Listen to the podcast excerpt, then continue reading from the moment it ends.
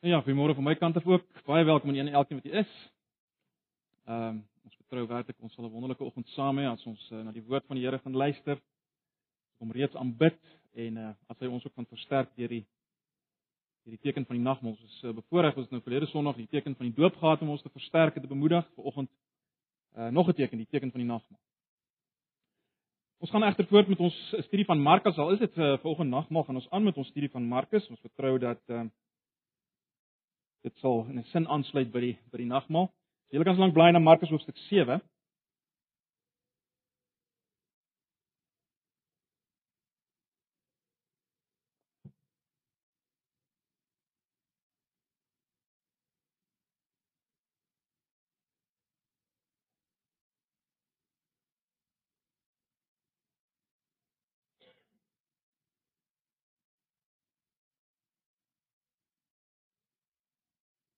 Ons die plek het, kom ons raak dit weer stil voor U.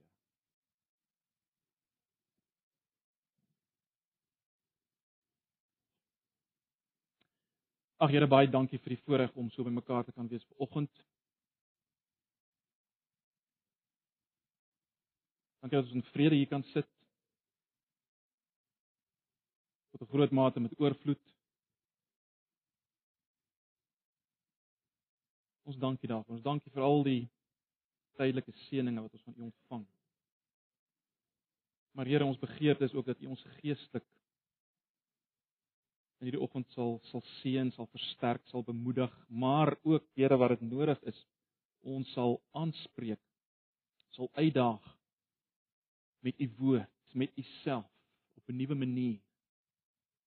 U ken ons elkeen, U ken ons swakhede, U ken ons sonde vanoggend.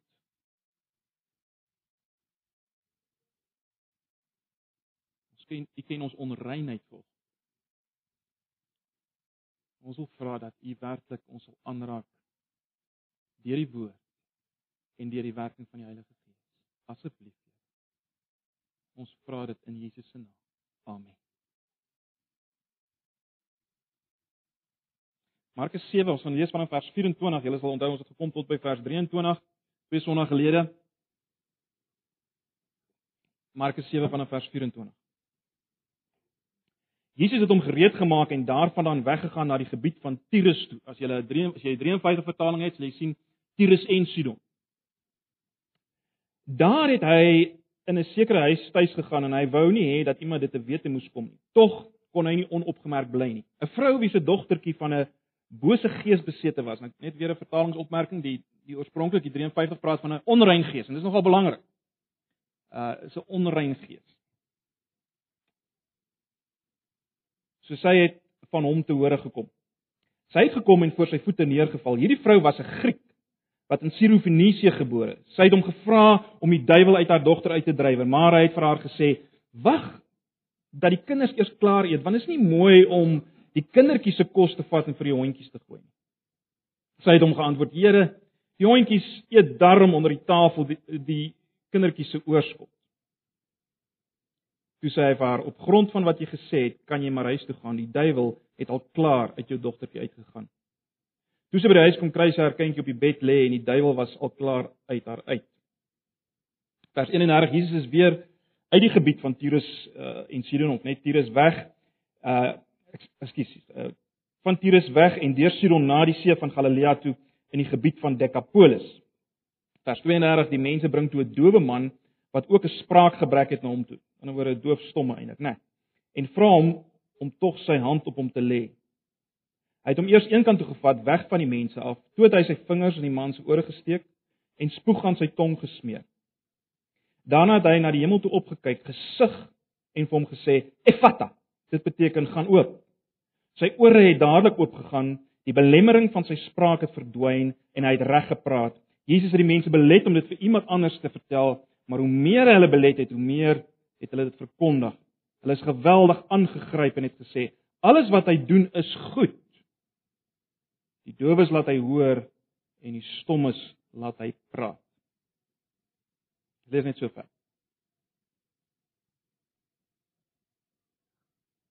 Dis een ding om te praat, is 'n ander ding om te doen. Ons ken almal die uitdrukking uh woorde wek, voorbeelde trek.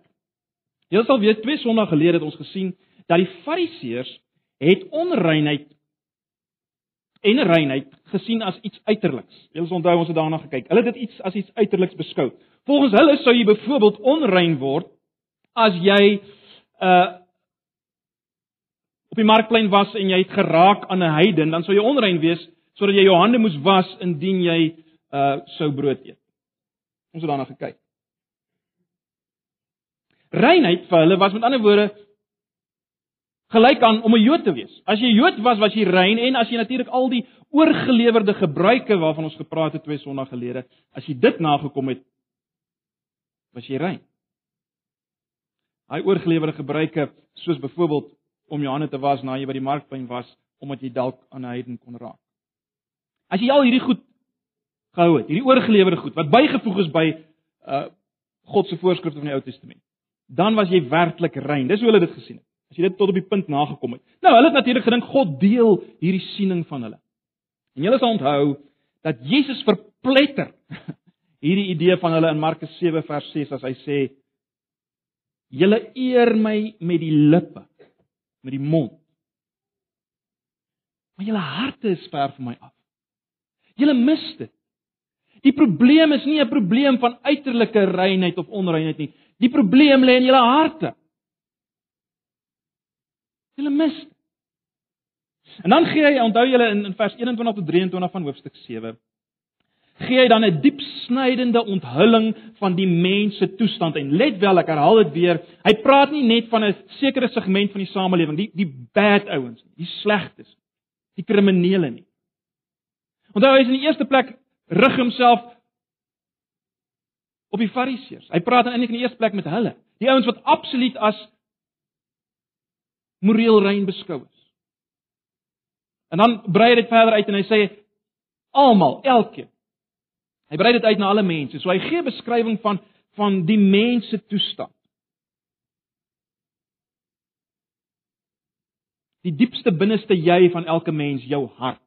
En hy kom en hy sê en julle sal onthou, hy wys dat dat ons harte is eintlik 'n donker modderpoel vol selfgesentreerde boosheid, vol selfsugtige opstand teen God se gesag, vol opstand teen die naaste se welfaart en en as hierdie poel as te ware net 'n bietjie geroer word, dan borrel al hierdie dinge uit waarvan Jesus praat in vers 21 tot 23 as hy sê van binne af uit die hart van die mens kom die slegte gedagtes, onkuisheid, diefstal, moord, oorspel, hebsug, kwaadwilligheid, bedrog, losbandigheid, afguns, kwaadpraatery, hoogmoed, ligsinnig. Al hierdie dinge kom van binne af en dit maak 'n mens onrein.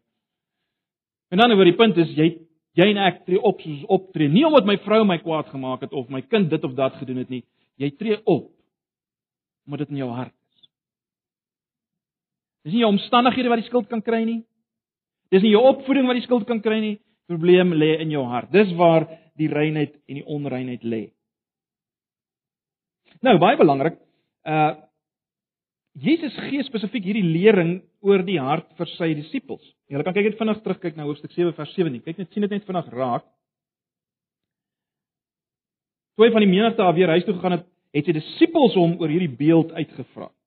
So hy hy leer spesifiek vir sy disippels daar in vers 17 en 18 uh dit wat hy nou gesê het oor die hart van die mens. Maar goed, wat het dit nou te doen met die gedeelte wat ons vandag gelees het? Wel die Here Jesus wil hier vir sy disippels wys wat is die implikasies van sy lering vir dit waarvoor hulle geroep is. Om dit in ons terme te stel, maklik te maak. Jesus kom wys vir hulle in hierdie gedeelte wat ons gelees het, wat is die implikasies van dit wat hy nou net gesê het vir evangelisasie? Uitreiking met die boodskap van die koninkryk. Wat is die implikasies van dit wat hy nou net gesê het? Met ander woorde.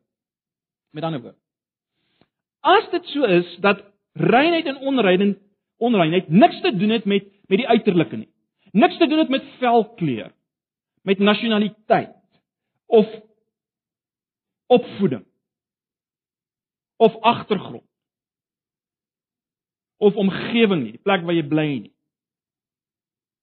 As almal vir God dieselfde is, onrein van hart van nature. Wel, Hoe sal dit evangelisasie beïnvloed? Hoe sal dit uitreiking met die evangelie boodskap beïnvloed? En natuurlik, wat is die antwoord dan vir hierdie onreinheid van hart? Van die diepste binneste jy. Wat is die antwoord dan? So hoe sal hierdie boodskap van reinheid en onreinheid die waarheid wat ons nou net gesien het of eh, twee sonder gelede gesien het, hoe sal dit ons evangelisasie beïnvloed? Nou, nou in die eerste plek, hoe sou dit hulle evangelisasie moes beïnvloed? En uh wat is die antwoord op hierdie reinheid? En Jesus kom op baie dramatiese wyse en hy kom kom wys dat hy bedoel wat hy gesê het.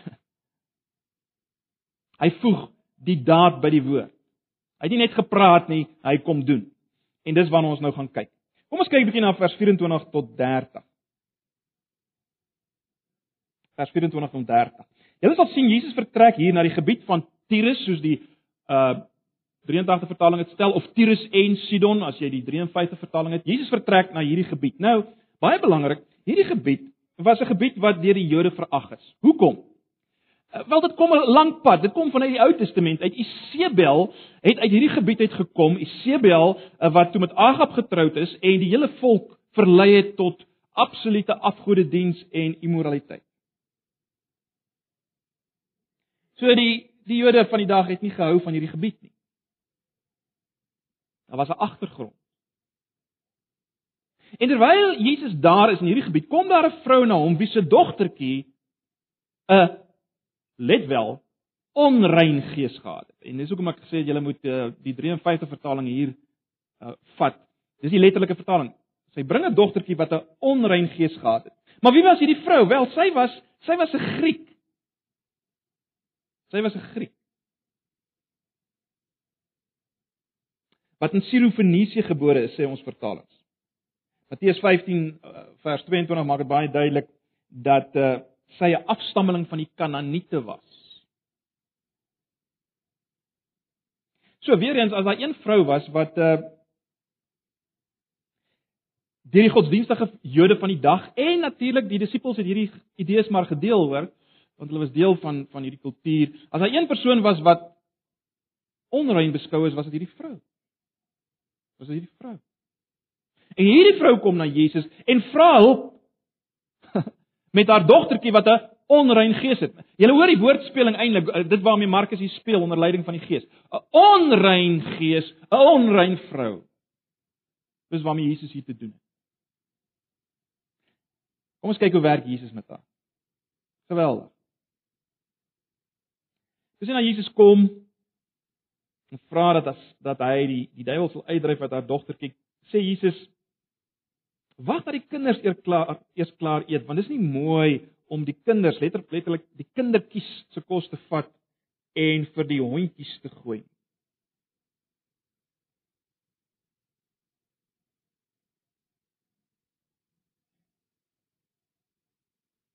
Wat gaan hier aan? Wat sê die Here Jesus hier? Wel, die punt wat hy wil maak is baie duidelik dat die Die koninkryksboodskap is in die eerste plek vir die Jode. Die kindertjies of die kinders. Nou ons weet, die nuwe verbond was in die eerste plek vir die huis van Israel en die huis van Juda. Dit is baie interessant Romeine 1 vers 16 sê uh, die evangelie is in die eerste plek vir die Jood en dan ook vir die Griek. Met ander woorde, die Jode het eers te reg gehad op hierdie evangelie, die koninkryksboodskap. Uh die nuwe verbond was in die eerste plek vir hulle. In Handelinge sien ons hoe daar 'n oorgang gemaak word na die heidene, nê. Ons sien dit spesifiek in Handelinge 10 uh, waar die die heidene ook nou deel word van hierdie verbond. Ag, julle ken die gedeelte. Uh, Petrus moes 'n visioen op die dak kry om hom te wys daar bestaan nie meer Daar's nie meer 'n onderskeid tussen rein en onrein wat betref mense nie.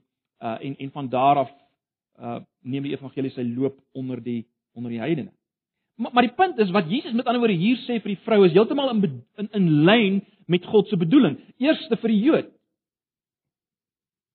Nou Jesus praat uh, in in in 83 vertaling sê hy dis uh dis nie mooi om die kinders se kos te vat en vir dit vir die hondjies te gooi nie. Uh weer eens jammer die letterlike vertaling word uitgeneem. Letterlik sê hy die brood. Dis nie dis nie mooi om die brood te vat en dit eerstens uh vir die hondjies te gooi nie. En dis natuurlik 'n gelaaide stelling, want ons weet nou al, né? Nee, uh die brood praat van uh in die lig van veral Johannes Evangelie, dit praat van God se seëning in Jesus, né? Nee. God se seëninge in Christus Jesus is eerstens vir die Jode. Julle weet, Johannes Evangelie sê ek is die brood van die lewe. Ons het reeds gekyk na Jesus se vermeerdering van die brood wat 'n 'n dieper eh, betekenis het. So so ons moet dit ook nie hier mis nie, né? Ek is die brood van die lewe. En Jesus kom en hy sê hierdie brood is is eerstens vir die Jode. Dis wat hy sê deur hierdie uh, beeldspraak. Hierdie hierdie hierdie brood ek die goeie nuus uh is eerstens vir die Jode. Let op Jesus verwys hier na die heidene as klein hondjies. sien julle dit? En per implikasie na die vrou. Hy sê dis nie mooi nie mooi net vir die te vat en vir die klein hondjies te gee nie. Wat doen Jesus hier? Wel hy verpletter alle hoop vir hierdie vrou, is dit nie? Hy verpletter alle hoop vir hierdie vrou. Hy stel haar voor 'n geweldige toets. En die vraag is, hoe gaan sy reageer? En weer eens vertaling, jammer dat die vertaling bietjie verander het hier aan. Julle sal sien in vers 28 sê sy uh, lees ons sy het hom geantwoord: "Here, die hondjies eet darm onder die tafel, die kindertjies se oorskiet." Letterlik staan daar: "Ja, Here." Maar die maar die hondjies eet darm van die krummeltjies onder die tafel. Ja, Here. Dis geweldige woorde, broers en susters. Wanneer die ja erken sê dat Jesus reg is. Ja, Here. Sy erken Jesus is reg. Sy erken met ander woorde sy's 'n hond.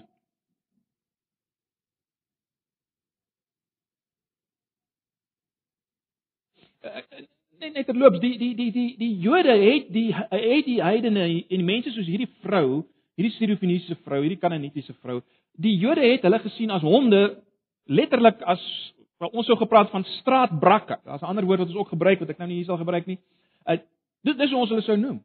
Jesus gebruik die verkleiningsvormpie hondjie, maar nog steeds. Nog steeds. En hierdie vrou kom en sy sê, sy erken ja, ek is hond. Ek is net 'n hond. Maar maar hier's baie meer. Sy erken hom as Here. Sy sê ja, Here. En dit is 'n geweldige erkenning. Dit is 'n geweldige respekvolle aanspreekvorm. Sy erken hy's eienaar. Het 'n slawe eienaar so aangespreek, Here.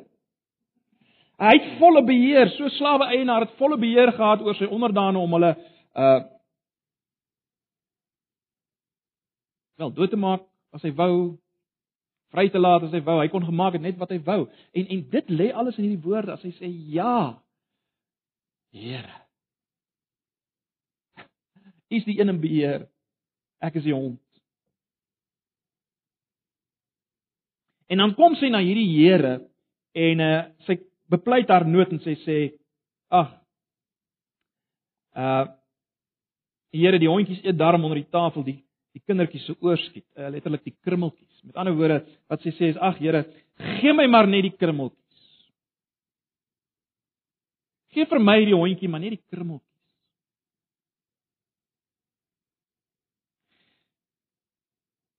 En dan sê Jesus vir haar op grond van wat jy gesê het kan jy maar huis toe gaan.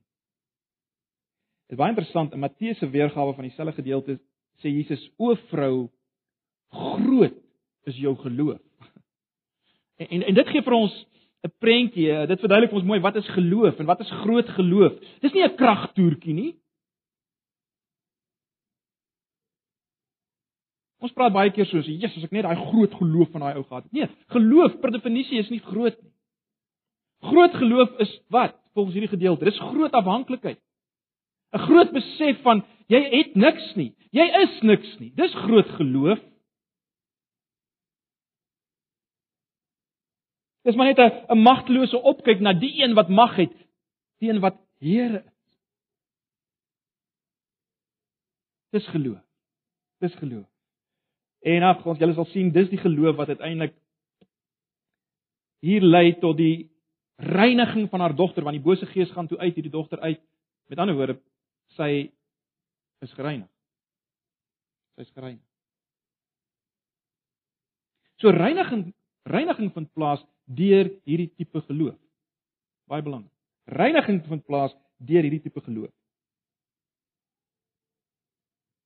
En onthou nou weer eens, ons vind hierdie reiniging by 'n Griekse vrou, 'n onrein Griekse vrou. Onrein Griekse vrou.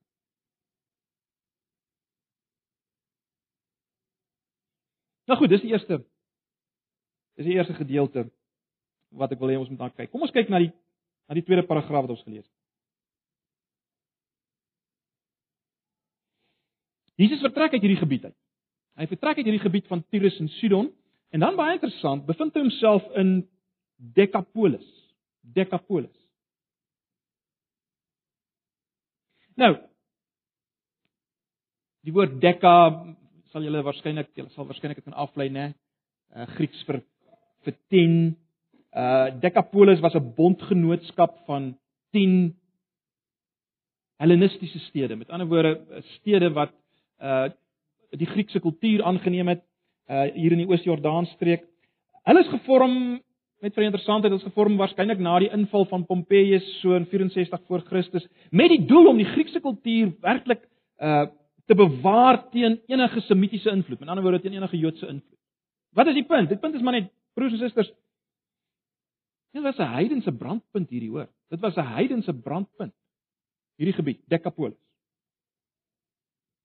So in die oë van die Jode was die mense in hierdie gebied hopelose gevalle.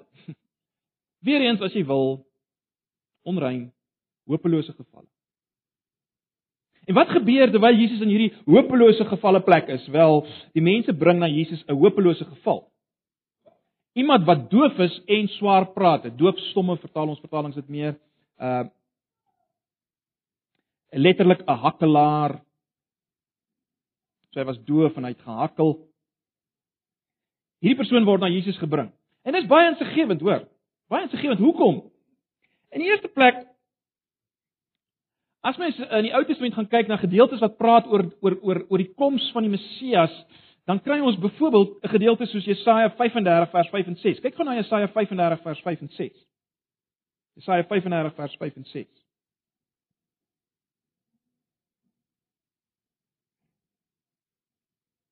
Hier word uitgekyk na wat sal gebeur in die tyd as die Messias kom.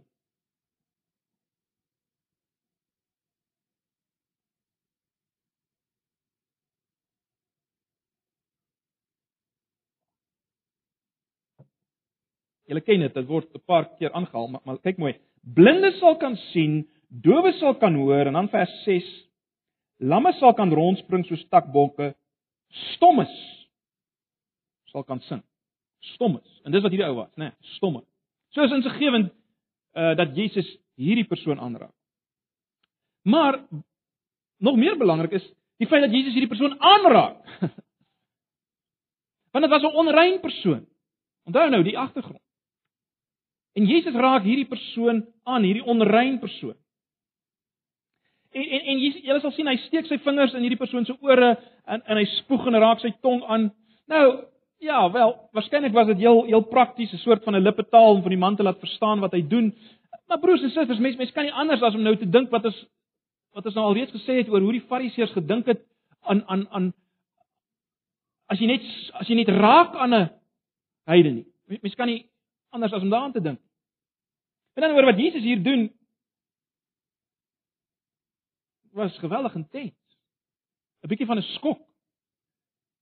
Jesus raak hierdie persoon aan op 'n baie intense manier. Raak hy hierdie persoon aan. Dis wat ons hier sien. En dan sal julle sien dat die Here Jesus sug.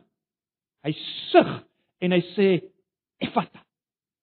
Nou, dis natuurlik nou die Hebreë uh die Aramees vergaan oop. Dit is interessant net vir 'n oomblik hieroor te dink, né? Nee. Jesus sug.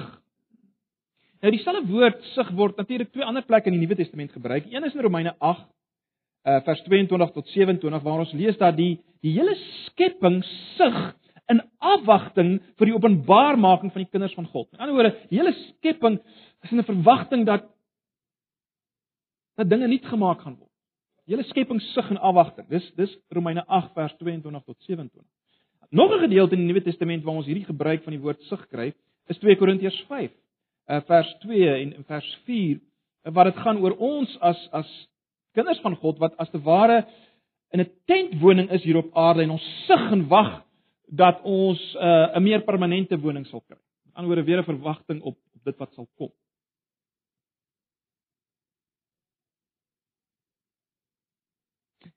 En nou sien ons in hierdie gedeelte Jesus sug. Met ander woorde, ek dink wat ons mekaar moet sê is dat dat Jesus se sug hier is waarskynlik 'n soort smagting, uh 'n soort uitroep in die lig van die gebrokenheid soos ge of soos gestalte vind in hierdie man in die lig van hierdie gebrokenheid sug die Here Jesus in 'n afwagting vir 'n nuwe bedeling. Uh hy sug in verwagting dat dat hierdie persoon let wel nie net sy ore sal oopgaan nie, maar dat hierdie persoon sal oopgaan vir of in relasie tot God se koninkryk. Dis 'n sug vir vir iets nuuts, vir heling, vir heelmaking, vir herstel. Dis 'n sugting vir herstel. En, en dis wat lê agter hierdie hierdie sug en hierdie uitroep Effata, gaan oop. Gaan oop. Verwagtinge, versigtiging dat dat daar sal vernuwing kom.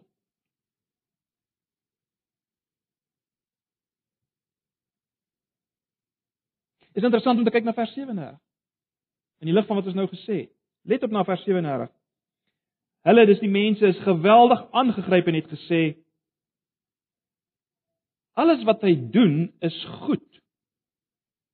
Die dooes laat hy hoor en die stommes laat hy praat. Alles wat hy doen is goed. Hy het alles goed gedoen. Soos die 53 dit stel. Wel, dit ekho natuurlik Genesis 1 vers 31, né? Kan jy onthou toe God alles geskaap het? Dan sê hy, dan lees ons en dit was goed. En dit was goed. In ander woorde, uh, ek dink wat ons wat Markus wil hê iets iets van wat ons hier moet sien is dat hier het ons te maak met met 'n nuwe skepping. In Jesus Christus is is hier 'n nuwe begin. En en waar dit in Genesis as te ware net God was wat gesien het dat dit goed was, uh, is hier nou ander mense hier in Markus wat ook sien dat dit goed is. Hierdie nuwe begin van God in Jesus.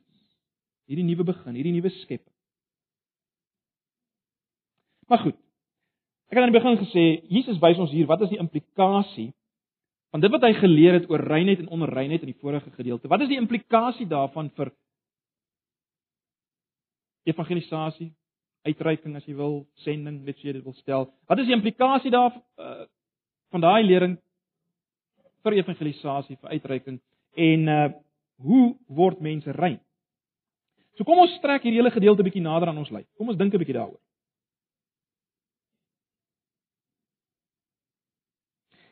Ek dink tog nie ek's verkeerd as as as ons mekaar sê of ek vir julle sê vanoggend dat uh dat die Here Jesus in hierdie gedeelte steek mensgemaakte grense oor ter wille van die koninkryk. Ter wille van die evangelie. Ter wille van nuutmaking. Jesus steek alle mensgemaakte grense van sy tyd oor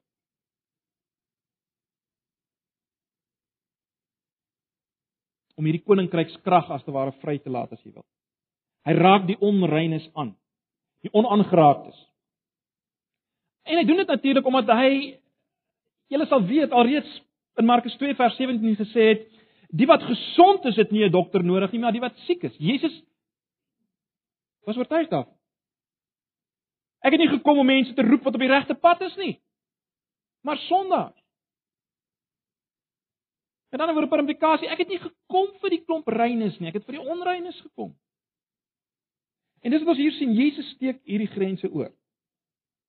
En daarom, broers en susters, ek dink dit is baie duidelik, die implikasies vir ons as individue, as as 'n gemeente is is dit.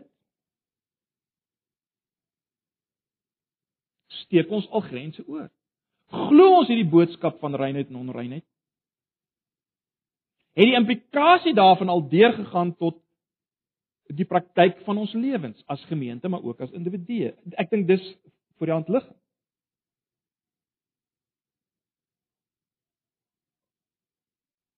As jy hierdie boodskap verstaan, sal jy begin grense oorskry op 'n of ander manier.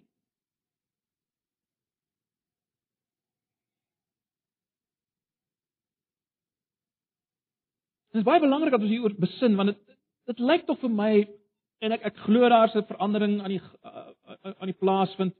Maar ek dink tog uh, in 'n groot mate die die die deursnee kerkmens, lidmaat van vandag het nog nie hierdie ding begryp nie. Het nog nie die implikasie van reinheid en onreinheid soos Jesus hier, uitlig uitlig begryp. Mense mense sien dit byvoorbeeld in die hele siening van van evangelisasie wat wat prominent is en soos ek sê dis ek weet dis besig om te verdwyn glo ek. Uh daar is al groot veranderinge, maar tog ten diepste is is is hier nog baie van hierdie dinge aanwesig. Uh John Stott het baie jare gelede die, die beeld gebruik en ek het dit al gebruik uh van evangelisasie. Hy sê daar's basies drie maniere waarop mense evangelisasie sien. So ek sê dis baie jare gelede wat hy dit gesê het, maar baie daarvan is nog van toepassing. Hy sê daar's basies drie modelle. En die eerste model noem hy die aquarium model. Julle sal onthou ek het dit al genoem. Die aquarium model. En dis nou wat plaasvind hier, soos vanoggend, né? Nee. Ek as predikant laat as ware my lyntjie hier afsak in die hoop dat in hierdie gebou in hierdie ruimte sal sal iemand uh aangeraak word deur die evangelie uh sal iemand die die aas vat. Die enigste taak van lidmate is net om soveel as moontlik ouens in hierdie akwarium te kry. Dat hulle gevang kan word. Dis een manier van denke rondom uitreiking evangelisasie. 'n Ander een wat stot noem is die is die hinderlaag model. Uh dis waar die nie-Christen genooi word na 'n groot byeenkoms, nê, nee, 'n uh, uh, massa byeenkoms en die arme niks vermoedende gas word gebombardeer met allerlei emosioneel gelaaide aanvalle vanuit die Bybel uh en geweldige musiek ensovoorts. Dis die ander laag model. En dan is daar wat hy noem die safari model.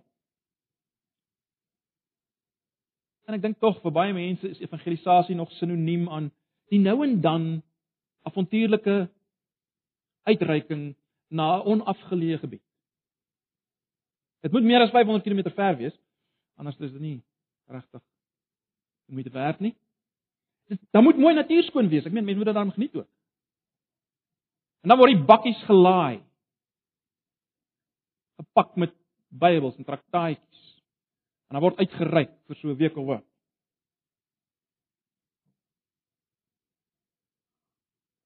En uh, net soos die min toiletgeriewe en badgeriewe en die slegte water te erg raak dan word daar teruggekeer na die veiligheid van uh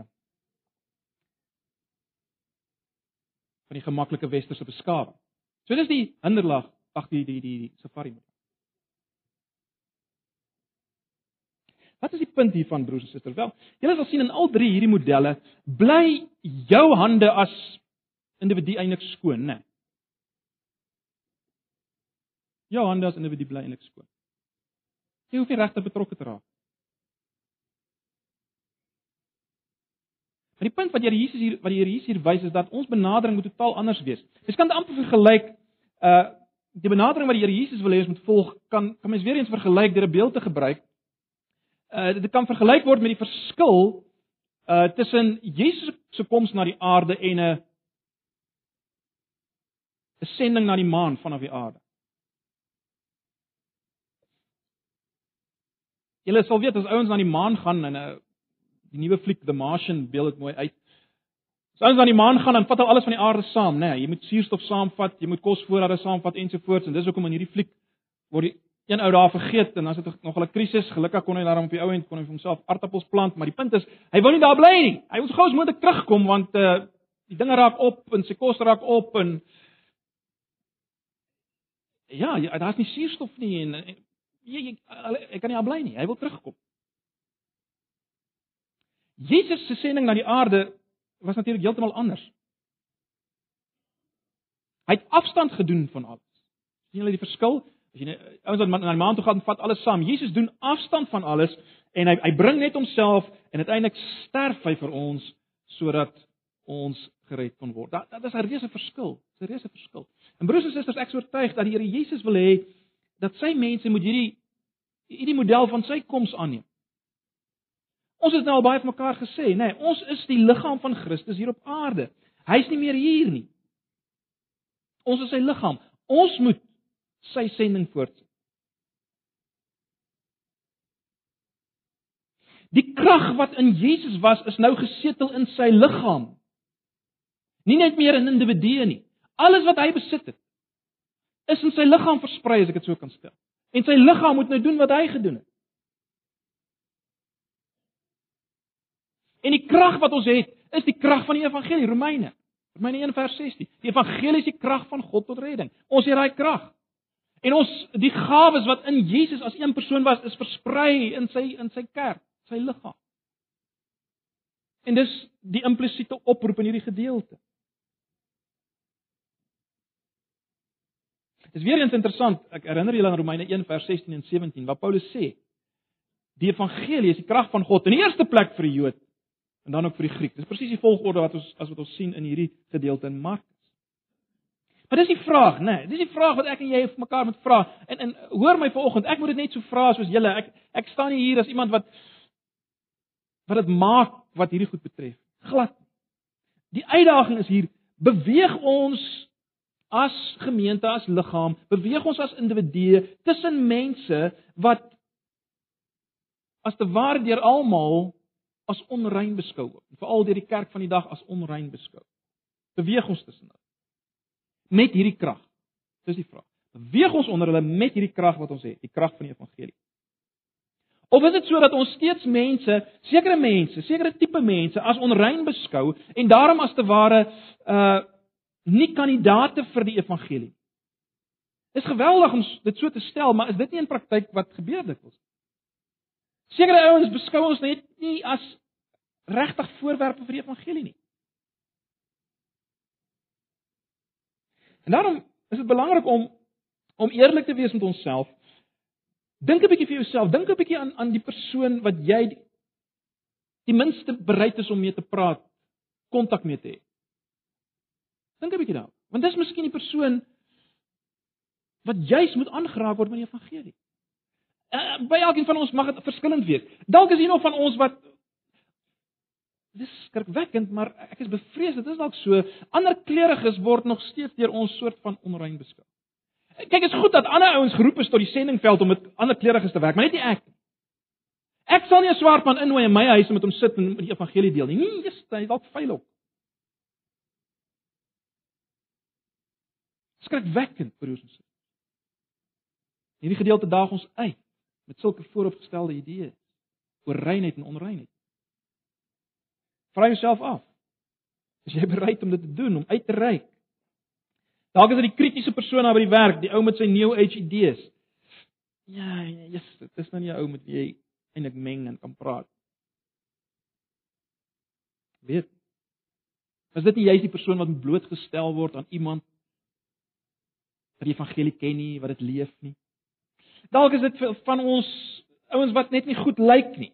Ou met 'n oorbel en 'n neusring en tatoeëermerke en so aan en eh, vreeslik kontak hê met so ou nie. Dis lekker dat hulle hier is. Die mense is almal skoon en netjies en lyk goed. Dis die uitdaging broers en susters. Dis waarmee hierdie gedeelte ons uitdaag. As my en jou denke en as ons as 'n gemeente se denke nie al meer en meer gerig is op hoe kan ons hierdie grense oorskry? En ek weet, ek praat maklik oor hierdie goed. Dit is nie altyd so maklik. Ek self worstel daarmee. Maar dis die uitdaging. En as ons nie daarmee besig is nie, broers en susters, is ons nie dalk wreed nie. Sekere mense word deur ons net nie beskou as mense wat die evangelie nodig het. En is dit nie juis vir hulle wat Jesus gekom het? Moet ons nie juis al minder gepla wees met die klomp fariseërs? Moet ons nie dalk juis op hom om mense te probeer oorskuif, netjies so skoon reeds geëvangeliseerde mense weer te oor te skuif vanaf 'n ander gemeente na ons gemeente? Is dit nie juis wat ons moet op hom te doen nie?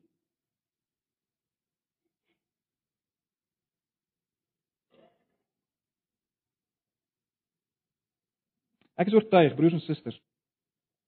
Ek is oortuig ons sal wonder sien as ons as ons werklik ons fokus begin skuif na die onreines.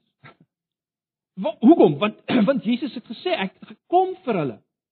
Ek het nie gekom vir die regverdiges nie. Hy het gekom vir die sondaars. Met ander woorde, as hy gekom het vir sulkes en ons begin betrokke raak by sulkes, wel dan sal ons die wondere van God sien. Dis oortuig daarvan. So dis die eerste ding wat ons moet raak sien. En eerste toepassingspunt is dit, die oorsteek van grense. 'n Tweede ding, baie vinnig net, wat ons hier raak sien is dat 'n bonatuurlike daad van God is nodig om mense te verander. 'n Bonatuurlike daad van God is nodig om harte te genees en ons mag dit nooit vergeet. Ons mag dit nooit vergeet. Met ander woorde, jy moet nie hoor dat ek vanoggend sê dat ag as ons net begin om meer te betrokke te raak by die by die by die by die, die onreines van die dag dan sal dan wonderlike dinge gebeur, so asof dit in ons krag lê nie. Nee. God moet dit doen. Die krag van die evangelie moet dit doen. Maar die punt is ons moet dit loslaat daar waar daar waar dit nodig is. Baie interessant, nê, nee, as ons lees in Handelinge 16, uh lees ons en die Here het Lydia se hart geopen.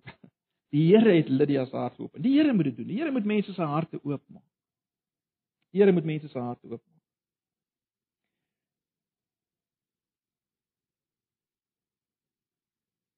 Ek en jy moet begin verbykyk by die uiterlike onreinheid sodat die krag van God kan kom by onreines en God die harte van mense kan oopmaak. Dis die uitdaging. Ag ek sluit af. Miskien is hier vanoggend iemand hier in ons midde wat in die posisie is van die Griekse vrou. Miskien voel jy so. Dis 'n goeie plek om te wees. Dis 'n wonderlike plek om te wees as jy by daai plek is waar jy absoluut besef ek is niks. Ek het niks wat ek die Here kan bied. Ek is werklik in sy oë onrein. Ek behoort onrein te wees in sy oë. Want ek ken myself, ek weet wie ek is. Maar ag Here. Ag Here, wees my genadig. Dis 'n goeie plek om te wees.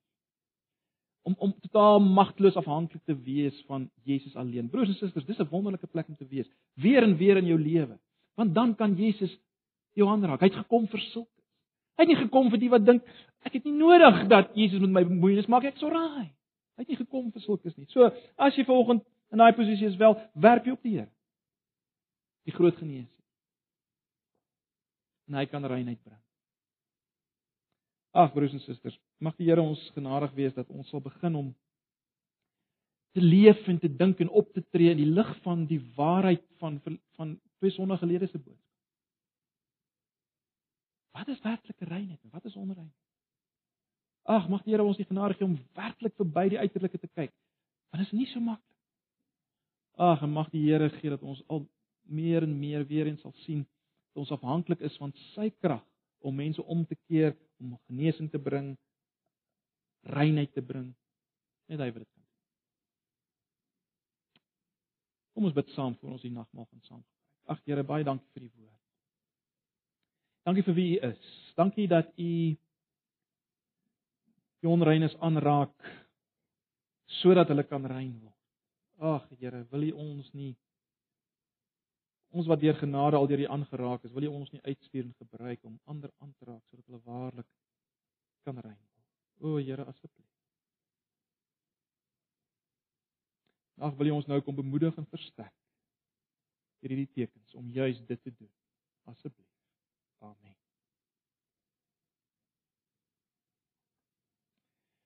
Ons sê ons gaan nou die nagmaal gebruik en kom ons gebruik dit as ons hierdie brood eet vir oggend. Kom ons dink daaraan dat ons is soos daardie vrou. Ons is nie waardig enige iets maar die Here gee vir ons vanoggend brood en oorvloed. Hy gee dit vir ons, sy liggaam wat vir ons gebreek is, die ware brood, die brood van die lewe. Hy het die volkomme prys betaal. Hy het die lewe geleef wat ek en jy nie kan leef nie. Hy was absoluut rein van hart, absoluut rein van hart voor God gewees. Sy hart was gerig op net een ding, God en sy verheerliking. Hy was absoluut rein van hart, maar hy sterf as 'n onreine onder God se oordeel. En nou kan ek en jy deur geloof in hom as rein verklaar word deur God. Is dit nie is dit nie ongelooflik? En vanoggend kan ons dit tasbaar deur die deur die eet van die brood en die drink van die wyn kan ons tasbaar deel het daarin, né? Ons kan weet so seker as ek as ek daai brood eet en daai wyn drink, so seker sien God my in Jesus as ek my werp op hom. Ek staan rein voor God op grond van Jesus. Aanvaarbaar. Hy wil ons volgens versterk, ons geloof versterk uh deur die tekens. Kom ons gebruik dit. Uh kom ons dink daaraan. Uh die nagmaal is altyd 'n herinneringsmaaltyd, né? Nee, ons dink aan aan wat Jesus gedoen het, die pad wat hy geloop het vir my en jou. Maar dit is ook 'n gemeenskapsmaaltyd. Ons dink weer daaraan dat ons ons is ons is ons is deel van hom, maar ook deel van mekaar as liggaam. Dit versterk ons. Weer eens, dit versterk ons in ons wete dat dit was vir my. Die duiwel my aankla, Ek sukkel om dit te vat deur die geloof wel. Hy help ons met die sigbare tekens vanoggend. Dis vir my as ek vashou aan Jesus. Hy het reinheid vir my bewerk. Bo alles broers en susters, is dit 'n vreugdesmaaltyd. Daarom kan ons glimlag vanoggend as ons dit gebruik.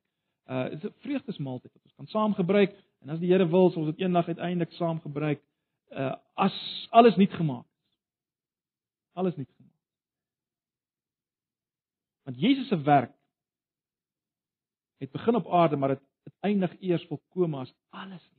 gemaak is. En as ons nie saam met hom die die nagmaal vier. So kom ons dink aan hierdie dinge as ons as ons die brood en die wyn gebruik. Miskien net vra vir die jakens ons in die tafel kan oopmaak. Ons gebruik dit saam. Uh, ons het nie ver oggend soos Johan gesê het ver oggend uh, gebid nie, maar as julle in groepies maak, kom ons dank die Here vir wat hy gedoen het vir ons. Kom ons bid vir ons land vir die geestelike nood, geestelike droogte net soos ons ook moet bid vir die vir die fisiese droogte. Kom ons bid vir al dat die Here ons ons land sal aanraak. Uh dat ons nood aan hom sal sien.